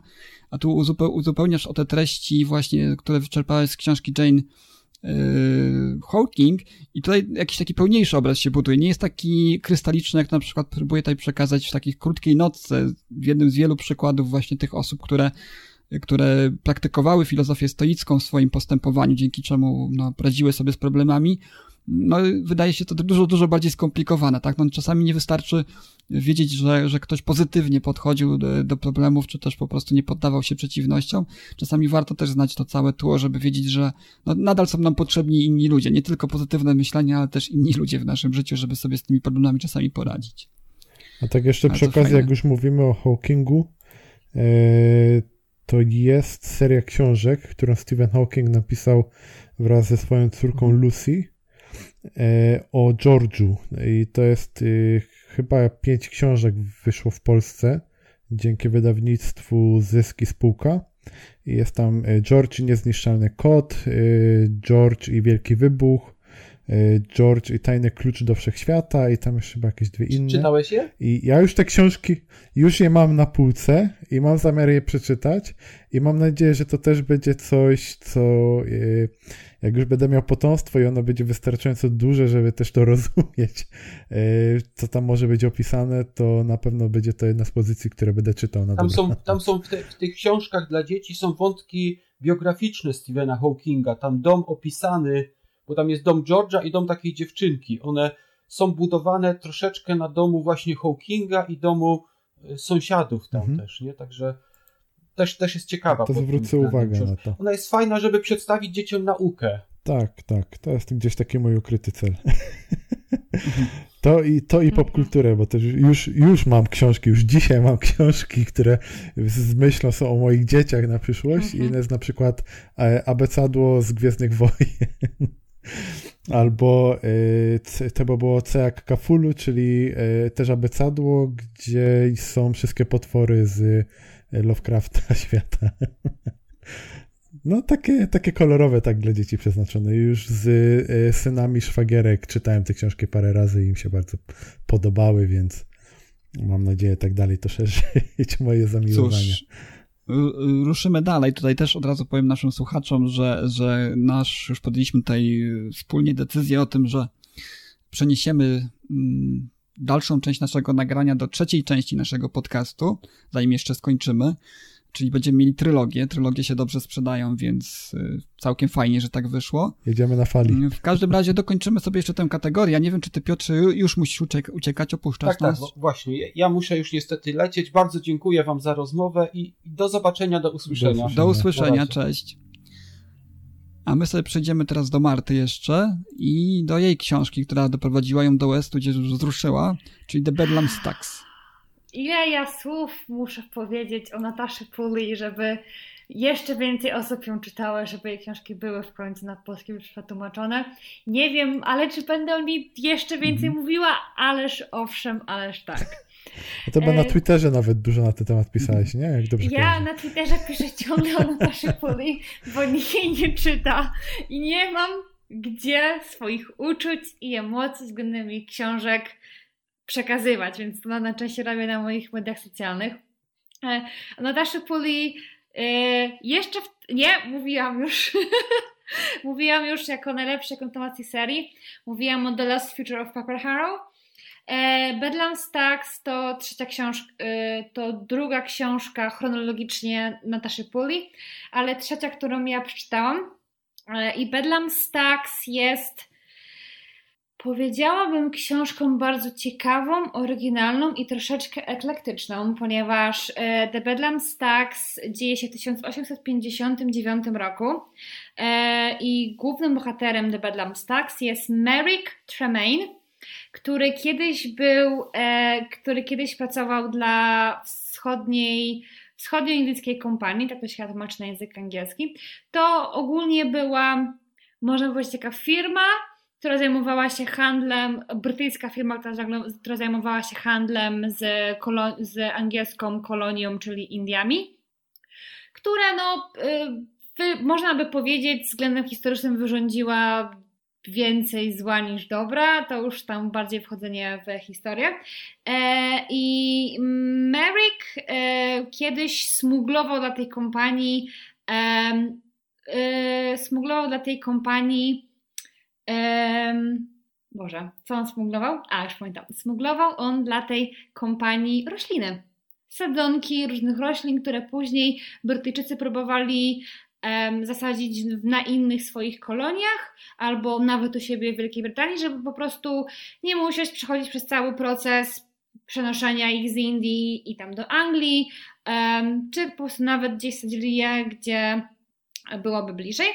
E, Merrick podczas jednej ze swoich właśnie wypraw doznał bardzo poważnej kontuzji nogi i jakby odszedł, e, odszedł ze swojej pracy. No i obecnie przebywa, na początku historii przebywa w swoim do, w domu swojego, w swoim rodzinnym domu w Cornwalli razem ze swoim bratem, gdzie zaczynają się dziać różne rzeczy. Nagle pomniki, które są na rodzinnym cmentarzu, zaczynają się ruszać. ruszać. Nagle drzewo, które rośnie na posiadłości, jego szyszki zaczynają wybuchać. I brat Merika oskarża go o szaleństwo i grozi mu po prostu wprost, że wyśle go do Wariatkowa, jeśli on się nie, nie jeśli on się nie, nie uspokoi i jeśli on nie, jeśli on nie wyrazi zgody na wszystko to, co jego brat robi z posiadłością. Do Merika się zgłasza jego były rekruter, z jego byłej pracy i namawia go do podróży e, do Peru, e, gdzie proponuje mu, można by powiedzieć, przygodę, przygodę życia albo coś, co przynajmniej zmieni jego monotonię, ponieważ zdaniem Merika będzie ukradzenie sadzonek chininy która jak wiadomo jest jedynym e, lekarstwem na malarię. Jego zdaniem było ugodzenie tych stonek z Peru, wykradzeniem ich e, z rąk różnych e, większych i pomniejszych mafijnych lordów peruwiańskich, którzy no po prostu krocie brali za, za, za te sadzonki i za to lekarstwo. I właśnie zdaniem Merika będzie, będzie sprawienie, że ta chinina będzie bardziej dostępna na, dla Brytyjczyków, żeby nie musieli oni płacić aż tak, aż tak dużo. Koniec końców e, okazuje się, że jakby to nie jest spoiler, ale Merrick odwiedza jedną z wiosek, do której podróżował jego dziadek i jego ojciec namiętnie, oni, którą, którą oni uwielbiali, która jest wysoko, wysoko w górach e, właśnie w Peru. I tam książka e, w ogóle The Bedlam Stacks to jest e, nazwa tej The Bedlam, Bedlam to jest nazwa tej miejscowości. I cała książka jest. Ja nawet nie wiem, jak jej opisać, oprócz tego, że jest wspaniała i niezwykła i fascynująca. To jest połączenie takiego magicznego realizmu, którego nikt by się nie spodziewał na pierwszy rzut oka. Ale jako, że to są książki Nataszy Puli, tam to, co zwykłe, jest jak najbardziej niezwykłe. I to jest po prostu jakby niezwykle przejmująca historia człowieka, który wie, że robi źle, ale który tak naprawdę nie ma wyboru. Później niestety, no jakby, jak, jakby wszyscy wiemy, co się, co się później stanie z tym rejonem Peru. Jak zostaje on, jak, jak zostanie on później um, przywłaszczony sobie przez y, różne narody europejskie. Jak później jego mieszkańcy będą fatalnie traktowani. I ta książka, no, moje serce złamała. Jak ją skończyłam, musiałam ją zamknąć. Położyłam się na swoim łóżku i się wpatrywałam sobie tak przez dobre 40 minut i po prostu płakałam. Bo nie można tego powiedzieć inaczej. Y, książka, od razu mówię, rozwija się bardzo, bardzo powoli. To jest jedna z tych książek, trochę jak, The, trochę, trochę jak Zakon Drzewa Pomarańczy. Tak mniej więcej po tej 30-40 stronie, kiedy wchodzisz w rytm um, opisywania puli, to jest książka, która jest w ogóle opisywania z, e, to jest w ogóle jest opisywana z pierwszej osoby. Jak się już wejdzie w jej rytm, jak się już wsiąknie w tą atmosferę tych gór, tej, tej, tej e, choroby górskiej, którą wszyscy jakoś tak muszą w pewnym, w pewnym sensie przeżyć, którzy podróżują powyżej tam e, kilkuset albo kilkunastu, albo tam kilkuset metrów poza, y, ponad poziomem morza. I kiedy się już tak naprawdę wsiąknie w tą zwykłą, zwyczajną magię, ale nie do końca, którą opisuje Pulley. I tutaj powiem Wam szczerze, przeczytałam jeden z takich najbardziej oryginalnych światotworzeń, jakie widziałam w ogóle w książce fantazy to są. Y, musiałabym wam ją całą zaspoilerować, żeby wytłumaczyć wam, o czym ona jest, ale no. Po prostu Pulej to jest ta, ta jedna z pisarek, która tak po prostu trafia w moje serce, że ja nawet nie wiem, jak, jak ją opisać. Znaczy się mogę po prostu by, by, by swoje serce wyrwać, pokazać, a powiedzieć, to jest, to są książki Nataszy Pulej. To jest to, co ja, czyta, co, co ja czuję czytając jej książki. Bedlam Stack, złamało mi serce wielokrotnie. Zakończenie to jest. Ja chyba nigdy nie czytałam bardziej doskonałego zakończenia książki, jakie czytałam w, w tej, którego się nie. Oczywiście, jakby. No. O! Jak słyszycie, słyszycie mnie. Mi, I mi po prostu brakuje słów, żeby do końca opisać, jakie to jest. No tym bardziej mi żal, że, że nie ma tego w języku polskim. Ja, jeżeli mogę, to unikam literatury czytanej po angielsku, jeżeli nie mam innego wyboru. Ale tak mocno zachęcę, że w końcu, w końcu chyba sięgnę, spróbuję chociaż może w formie audio, zobaczymy. w, formie, w formie audio to bym polecała w takim razie The Watchmakera, bo Bedlam Stack jest... Um, i językowo jest skomplikowane, bo to jest jednak ten 1859 rok. Oni tam używają dużo sformułowań na rośliny i na jakieś sadzonki, gdzie ja, osoba, która się angielskiego 20 lat plus, musiałam Google Translate i okej, okay, to jest chinina. Super, jedziemy dalej. Trochę się tego też boję. Ja, mimo, mimo, że na co dzień czytam dokumentacje techniczne w języku angielskim, tak jednak boję się tych książek. I zacząłem tego Watchmakera Mhm. I nie, nie jest źle. Tylko dalej muszę gdzieś jakoś, musi się ta blokada po prostu gdzieś zwolnić. To spokojnie. Im więcej czytasz po angielsku, tym bardziej ta blokada się łamie. Ja też tak na, na, na samym początku, jak w ogóle zaczęłam czytać po angielsku, to byłam przerażona. Po prostu bałam się, że, że nie zrozumiem co drugiego słowa i będę musiała sprawdzać wszystko w, w słowniku, no, ale im więcej się czyta, tak. im, im, im mniej się zwraca uwagi na słowa, które się nie rozumie i im bardziej się stara po prostu kontekstu słów wyciągnąć z całego zdania, tym płynniej ci to idzie. Więc jeśli dla wszystkich słuchaczy, którzy się boją czytania po angielsku, naprawdę znajdźcie odpowiednie książki dla siebie, dla swojego poziomu. Są oczywiście książki, które są y, Nie powiedziałabym się, nie powiedziałabym, że są upraszczane, ale są dostosowane do pewnego poziomu języka angielskiego. To są najczęściej jakieś takie klasyki typu Jane Eyre, Doma Uprzedzenie na przykład, które można czytać, albo Dracula, które można czytać powiedzmy na, na, na poziomie B1, B2 i takie książki są fajne na, na początek. I gorąco polecam zacząć w ogóle czytać od książek y, tych, tych zwanych contemporaries, czyli książek, które się dzieją w, naszej, w naszych czasach obecnych.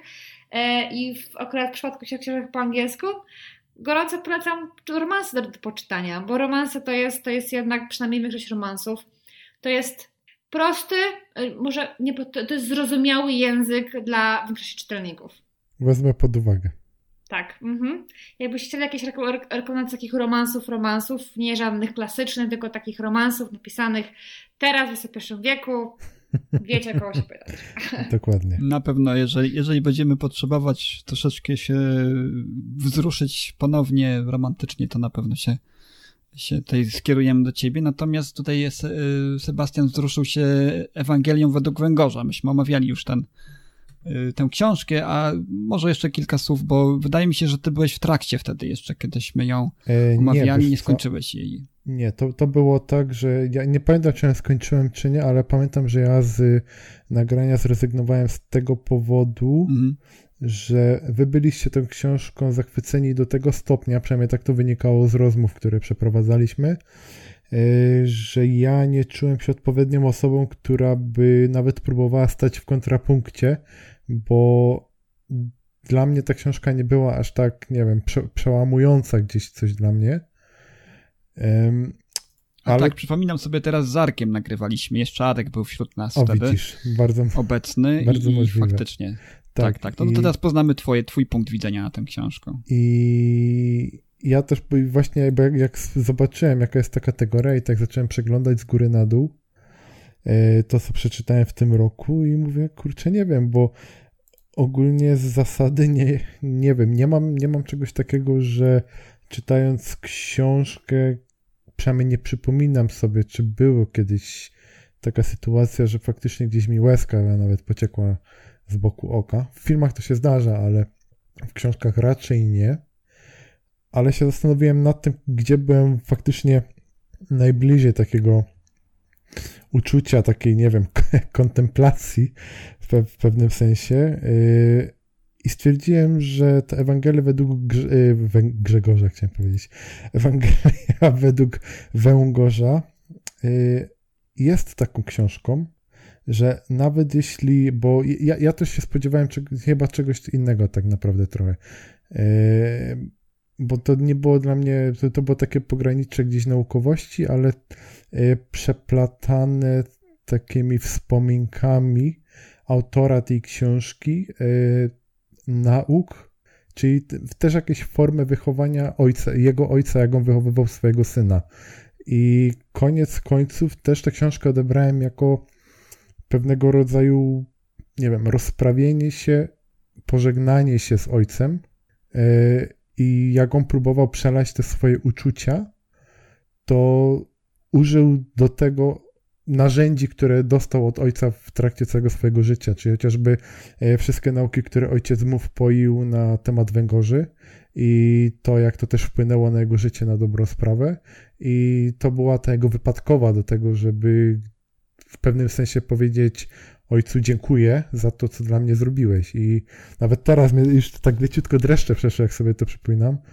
E, I to, to, jest, to jest chyba to, co wyróżniło tę książkę i sprawiło, że gdzieś faktycznie człowiek się też, y, to, troszeczkę ta książka jednak za mną chodziła, mimo tak jak mówię, że mnie nie zachwyciła, gdzieś tam chodziło takie małe przemyślenia z tym związane i bo tak teraz też sobie myślę, w tej chwili jeszcze mi przychodzi na myśl komiks, który czytałem na początku, na początku, nie, chyba na końcu tamtego roku zeszłego, y, Maus, y, nie wiem czy o tym mówili, chyba o tym nawet mówiliśmy gdzieś, E, gdzie e, autor tego komiksu z kolei rozprawia się z historią swojego ojca, który był Żydem, który e, był między innymi w Auschwitz, tak, w trakcie wojny.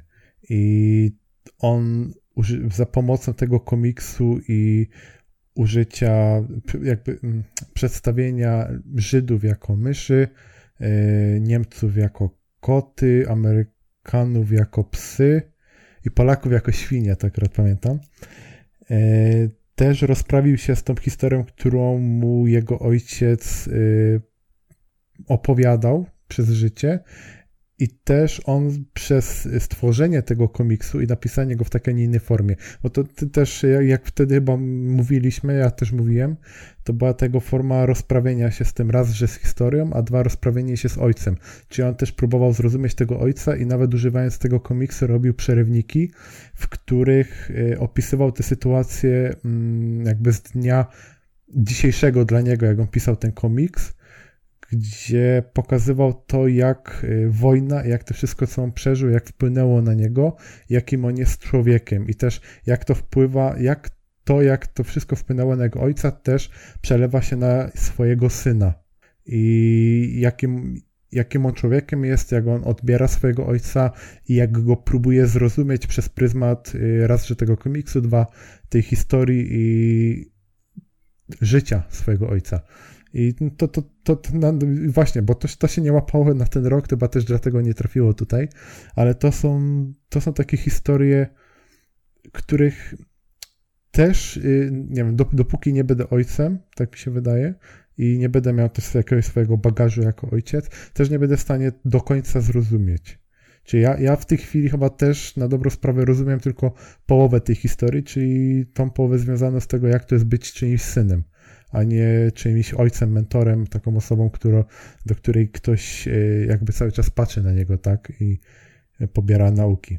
Więc mo, mo, może jeszcze za parę, paręnaście lat jeszcze mi się to bardziej odmieni i wtedy jak sobie przypomnę tę książkę, to już tabeska faktycznie gdzieś poleci. Już e, na koniec już moje, moje tutaj typy rzeczy, które mnie wzruszyły, a wzruszyły mnie z dwóch różnych względów. Też oszukuję. Tym razem ja, ja się posunę tutaj do mojego oszustwa i wybrałem dwie książki. E, pierwszą z nich jest książka Dzieci Aspergera. Mm, ja, jako że tutaj prowadzę też w Wielkiej Brytanii taką e, działalność charytatywną, troszeczkę też społeczną, między innymi właśnie mamy taką e, grupę wsparcia dla, dla rodzin dzieci autystycznych, bardzo często się interesuję książkami, które pojawiają się na polskim rynku dotyczące właśnie tej tematyki, czyli autyzmu, syndromu Aspergera. I sięgnąłem po jedną z książek, która dotyka dość e, drażliwego tematu, jeżeli chodzi o biografię samego e, Aspergera, człowieka, który e, przysłużył się niejako do rozwoju wiedzy o, o schorzeniach tego typu. Jest to, powiedziałbym, dość czarna karta historii, ponieważ on działał w trakcie kiedy no, roz, rozlewała swoje, rozciągała swoje macki na, na naszą rzeczywistość trzecia Rzesza, prawda? I, I, wszystkie rzeczy, które były z tym związane, czyli też między innymi y, dość rzeczowe, przedmiotowe traktowanie osób y, niepełnosprawnych, prawda? No niestety tutaj Asperger nie był wyjątkiem. Jest to dość kontrowersyjna postać. No, jego wkład w rozwój medycyny jest oczywiście niezaprzeczalny i psychologii. Natomiast metody, do jakich często musiał się dopuszczać z różnych przyczyn, mm, o czym mówi ta książka, no są nieakceptowalne społecznie w dzisiejszych czasach i nie powinny być akceptowalne nigdy, tak?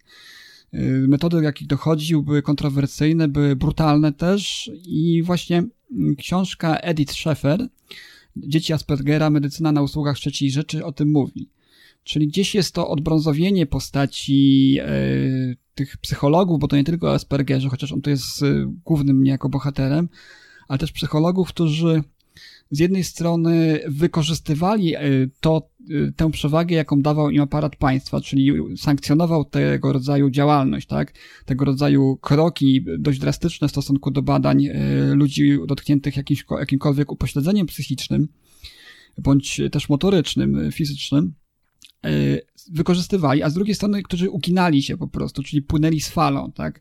Z różnych przyczyn nie umieli się przeciwstawić. No to Aspergera, e, Aspergera wskazuje się jako tego drugiego, chociaż są tu różne teorie w tej książce, tej autorka nie ucieka się do jednej teorii, nie próbuje tutaj wybielać Aspergera, chociaż też uważa się, że on, no niestety chcąc funkcjonować, działać, prawda, prowadzić swoje badania w tym, w tych trudnych czasach, musiał niejako przymykać oczy na pewne praktyki, tak, musiał akceptować e, pewne praktyki, musiał e, też yy, operować w swoich badaniach, w wynikach swoich badań i ogłaszaniu tych wyników pewnego rodzaju nomenklaturą, która była akceptowana i uznawana przez aparat państwa, tak? W przeciwnym razie, no, mógłby się narazić na ostracyzm w środowisku, prawda? Na zamknięcie drogi rozwoju kariery medycznej swojej, psychologicznej, a z drugiej strony też być może nawet mógł narazić się mm, na swoje życie, prawda? Swoje życie i swoje, swoje życie swojej rodziny też. Więc tutaj te różne y, kwestie podejmuje. Jest to też zupełnie książka inna. To ona nie podejmuje właśnie tematyki autyzmu, czy też syndromu Aspergera per se, chociaż to jest masa licznych przykładów takich dość drastycznych, dlatego właśnie powiedziałem, że ta książka mnie wzruszyła. Bo są tu historie tych dzieci tytułowych bardzo poruszające, przez jakie, jaką gehennę musiały przechodzić te, te dzieci, no i tego, tego, co im robili medycy, ludzie, którzy, którzy nie powinni, prawda, którzy powinni stać na straży właśnie dobra, zwłaszcza dzieci i zdrowia dzieci, prawda. No niestety w imię w cudzysłowie powiedzmy wyższych celów, prawda, osiągnięcia jakichś wyników y, badań konkretnych, musieli się posuwać do rzeczy drastycznych. No i niestety ten reżim nazistowski y, pewnego rodzaju rozwoju mm, tego typu działań sprzyjał, prawda, więc, więc to jest to. No, nie mówimy tutaj o, o totalnych psychopatach, prawda, Czy, ale o ludziach, którzy y, w jakiś sposób wpływali na rozwój medycyny, przyspieszając po prostu Y, jej rozwój drastycznymi, nieludzkimi badaniami na innych ludziach. No jest to dość kontrowersyjny temat, bardzo niejednoznaczny temat, bardzo niejednoznacznie zostaje tutaj przedstawiony Asperger, człowiek, który, którego imię do dzisiaj nadaje się syndromowi, prawda, o którym, który, którego się wiąże tak y, gdzieś w powszechnej wiedzy z jakimiś szczytnymi, prawda, rzeczami, które zrobił dla medycyny, okazuje się, że niekoniecznie wszystkie one były jasnymi kartami historii e, psychologii, psychopatologii. Więc to jest jedna rzecz, która mnie bardzo wzruszyła. To jest jeden biegun, który mnie wzruszył. Natomiast na drugim biegunie jest właśnie książka, e, książka Świt nad, nad Kilimandżaro. Książka, która, której, z której autorem Krzysztofem Luczakiem też, też się znam, też mieliśmy jeden z wywiadów w jednym z naszych odcinków. Krzysztof Łuczak jest podróżnikiem, takim bon vivantem. On uwielbia podróżować, zawsze optymistycznie podchodzi. Też takie nawiązanie do rzeczy, o której mówiłem wcześniej, czyli do tego y, pozytywnego nastawienia w, w, w obliczu przeciwności, tak? Jego marzeniem było pojechać do Afryki, wejść na, na tytułowe Kilimandżaro i nie poddawał się mimo tych przeciwności mniejszych, większych, tych związanych z przygotowaniem do wyjazdu i też na miejscu, którego tam czasami spotykały. Jest to bardzo optymistyczna, bardzo wzruszająca książka o tym, że nie warto porzucać swoich marzeń, jakiekolwiek by one nie były, nawet jeżeli na starcie wydają nam się nieosiągalne, wykraczające poza zakres naszych możliwości, to warto próbować, bo może się okazać, że czasami jakiś zbieg okoliczności albo jakiś uśmiech losu może się nam przydarzyć i się to, co, o czym marzymy, się nam może ziścić, a co mnie bardzo zaskoczyło, to jest taka bardzo osobista książka. Tutaj e, Krzysztof e, nie waha się przed e, umieszczaniem bardzo nawet takich, powiedziałbym, intymnych myśli swoich, też swoich wątpliwości, jakie miał, różnego rodzaju przemyśleń. Bardzo humorystycznie jest też podejście tutaj autora z, z uśmiechem na twarzy się czyta tą książkę i też w końcówka jest tak mega optymistyczna, a na dodatek jeszcze ku mojemu zaskoczeniu Tutaj Krzysztof wplata do tego historię pewnej miłości, znajomości, która się mu przydarzyła już na samym finale tej podróży na, na Kilimandżaro w Afryce, y, gdzie poznał pewną y, kobietę i też kolejny cel, prawda, sobie wyznaczył, że rozstawszy się tam z nią w Afryce, wyznaczył sobie kolejny cel, że musi, musi tą znajomość kontynuować dalej, musi ją odnaleźć, mimo tego, że dysponował dość skromnymi informacjami na jej temat. I ona się kończy takim, no można powiedzieć, pełnym y, takich pozytywnych emocji, pięknie opisanym happy endem. Y, też dającym nadzieję na to, że w przyszłych książkach, bo to nie jest jedyna podróż, jaką Krzysztof odbył y, w różne egzotyczne zakątki świata, y, chciałoby się, żeby było kontynuowane. Ja to jest zaledwie 84 strony, ale powiem wam, że naprawdę mega pozytywna. Ja ją czytałem jeszcze w takim dość e, dla mnie nieciekawym momencie, kiedy wracałem z Polski od mojej ukochanej i tak, no bardzo mi to podniosło na duchu, bo czytałem ją w samolocie, e, w okolicznościach takich, jakie teraz mamy, prawda, podróży, nie, niewygodzie pełnej, prawda, maski, e, koronawirus, te wszystkie ograniczenia dookoła, prawda, i w jakiś sposób mnie to podniosło na duchu i myślę, że z tych komentarzy, które widzę tutaj osób, które też czytały tę książkę, ona bardzo też wpływa na inne osoby, bardzo fajnie nastraja, więc mnie wzruszyła właśnie do takich pozytywnych emocji i pozytywnie natchnęła, tak? Więc ja, ja serdecznie jeszcze raz odsyłam do, do odcinka, w którym właśnie z Krzysztofem rozmawiamy o genezie powstania tej książki, a wszystkich też zachęcam, którzy potrzebują takiej pozytywnej lektury w dzisiejszych czasach do, do przeczytania książki Świtna Kilimandżaro. Zachęciłeś mnie. Tylko jeszcze muszę czas znaleźć. Dokładnie. Książkę, książkę też e, swoim, swoim własnym e, sumptem, e, konwertując ją samodzielnie, Krzysztof umieścił na swojej stronie w e-booku. No konwersja jest taka, jaka jest. To jest, to jest jednak cały czas trzeba zaznaczyć, że amatorsko wydana książka, amatorsko też sformatowana, bez takiej wiedzy koniecznej żeby tę książkę dobrze przekonwertować, ale ja ją mam na, na moim Kindlu i pominąwszy te mankamenty edytorskie, to szybko się o tym zapomina, po prostu płynie się czytając tę książkę. To jest 84 strony. Naprawdę spornie dosyć po, po jej skończeniu czułem. Chciałem, żeby więcej, żeby bardziej dokładnie, żeby, żeby jeszcze dalej, dowiedzieć się, co dalej było o tych przygodach, o których tutaj napomyka właśnie w tej książce y, autor, tylko zaznaczając na, na, na, na nam, że być może coś z tego później wypłynie. No i myślę, że na tym zamkniemy nasz drugi odcinek podsumowania. Tak jak powiedziałem, rozciąga nam on się w trylogię. Rozgadani jesteśmy. Przed nami jeszcze kilka kategorii. Postanowiliśmy przerwać w tym momencie, bo widzę po tych tytułach, że tu na pewno będzie jeszcze dużo do, do powiedzenia. Więc nie chcemy po łebkach tego potraktować, ale chcemy się tutaj skupić troszeczkę bardziej na, na, na kolejnych rzeczach a być może dojdą jeszcze kolejne, które tutaj zmienią niektóre tytuły, które pojawiają się w niektórych kategoriach, więc może tutaj jeszcze jakiś twist nastąpi. Więc ja jeszcze y, raz dziękuję nieobecnemu już Piotrowi, który na pewno tego wysłucha, bo zawsze to robi. Y, dziękuję Tobie, Sebastianie, za to, że udało Ci się po raz kolejny do nas dołączyć. Czysta przyjemność, dziękuję bardzo. I jeszcze raz serdecznie dziękuję Marcie. Y, z naszymi słuchaczami mam nadzieję, jeżeli będą sprzyjające wiatry, usłyszymy się już tydzień po, po tym nagraniu i mam nadzieję, że idąc tym tropem, żeby to była trylogia taka, to też zamkniemy w trzeciej części nasze podsumowanie i ruszymy naprzód. Jak widzicie, plany na kolejne odcinki mamy. Na pewno będziemy mieli dla Was coś ciekawego, jakieś ciekawe rekomendacje i, i, i książeczki, które tutaj już teraz czytamy i w przyszłości będziemy czytać. Jeszcze raz Wam wszystkim dziękuję i do usłyszenia. Do usłyszenia. Do usłyszenia. Cześć. There's so many books to choose. Get on board, you just can't lose. Books expand your mind, it's true. Reading books is good for you. I love reading. Oh, I'm out a book, check it in, check it out. Gonna say hi to the dictionary, picking out a book, check it in, check it out. I'm going down to the library